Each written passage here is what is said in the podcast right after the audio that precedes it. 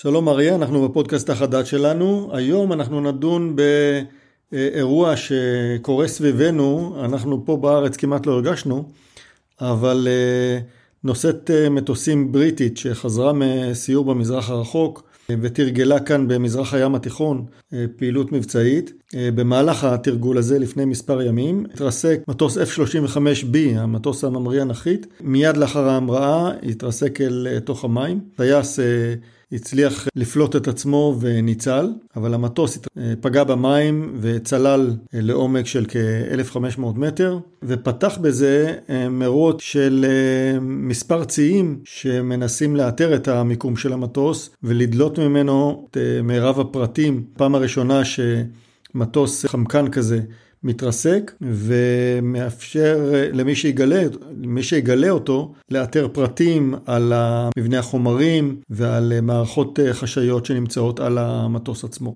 כן, אני שומע על זה שזה ממש נשמע כמו סרט ג'יימס בונד. אה, צוללות אה, רוסיות ובריטיות אה, דוהרות לאזור, חלקם מצוידות בצוללות כיס קטנות שיכולים להוריד אותם מהסוללת לעומק יותר גדול כדי לנסות ולדלות את המטוס. לא תהיה, זה לא תהיה משימה פשוטה כי העומק של המים שם הוא גדול מאוד, אבל הרוסים בהחלט ישמחו לשים את ידם על מטוס כזה או על חלק ממערכותיו.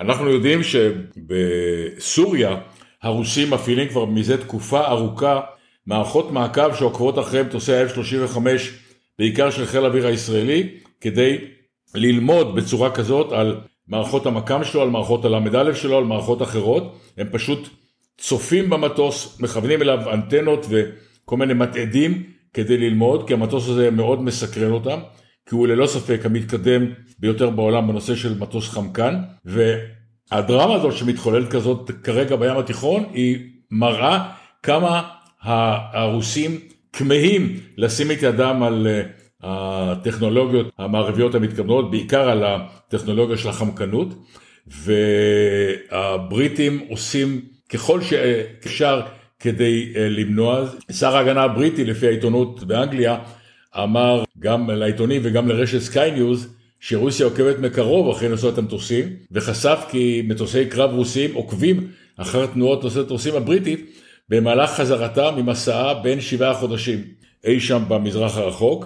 אה, אה, אני לא יודע אם הם ידעו שיקרה משהו כזה, אבל הם בהחלט עקבו אחרי נושאות המטוסים הזאת עם, עם המטוסים החמקנים עליה, והדרמה שמתחוללת כרגע היא בהחלט אה, לא, לא זכורה לי דרמה כזאת בשנים האחרונות, שמנסים לדלות מטוס כזה שנפל ושוכב על קרקעית הים התיכון באיזשהו מקום, כדי ללמוד על מערוכתיו. בהחלט אה, מרוץ צמוד, לא פשוט, אבל מראה כמה אה, רוסיה מנסה ללמוד על טכנולוגיות מערביות מתקדמות אה, כמעט בכל דרך. מאמצי ההנצלה של המטוס הזה מתנהלים במספר רמות.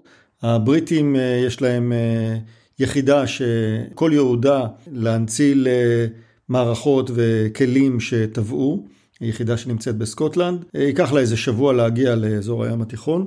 לאמריקאים יש יחידה דומה בספרד, שככל הנראה כבר אה, הצליחה להגיע לאזור הזה, והיחידות האלה מצוידות בכלים אה, לא מאוישים שמסוגלים לצלול לעומק הזה, כפי שאמרנו, סביבות 1,500 מטר. אה, הם, לאחר שמאתרים את המטוס, שמקווים שהוא נשאר בחתיכה אחת, מקיפים אותו בכריות אוויר, מנפחים את הכריות האלה ומציפים אותו אל פני המים ומשם מושכים אותו במנוף, אה, עבודה שיכולה לקחת מספר שבועות אפילו. אה, במידה והמטוס יתרסק, יהיה קשה מאוד אה, לאסוף את כל החלקים, וזה מאפשר לרוסים לחטוף חתיכה כזאת או אחרת, ומתוך החתיכה הזאת ללמוד הרבה על, ה, על התכנון של המטוס ועל המבנה שלו. כדאי לזכור שהצליחו להנציל כבר כלי טיס מעומקים הרבה הרבה יותר גדולים, הנצילו אה, מסוקים מעומק של שישה קילומטר וכלי טיס מעומק של עשרה קילומטר באזור אוקיינוס השקט.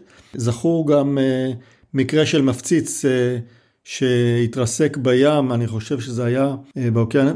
במזרח האוקיינוס האטלנטי, שהוא נשא עליו פצצה אטומית ולקח הרבה זמן עד שהצליחו לחלץ אותה החוצה. כך שההיסטוריה רוויה באירועים כאלה של מטוסים שטבעו בים, ובכל מקרה כזה היה מרוץ של מדינות ידידותיות ועוינות כדי לנסות ולהגיע אליו ראשונים. אז אנחנו נמשיך ונעקוב אחרי העניין הזה, אני מניח שכשיחלצו את המטוס הזה יהיו עוד אה, עדויות ועוד אה, פרטים שנוכל אה, למסור אותם. בהחלט. אז תודה אריה וניפגש בפודקאסט הבא.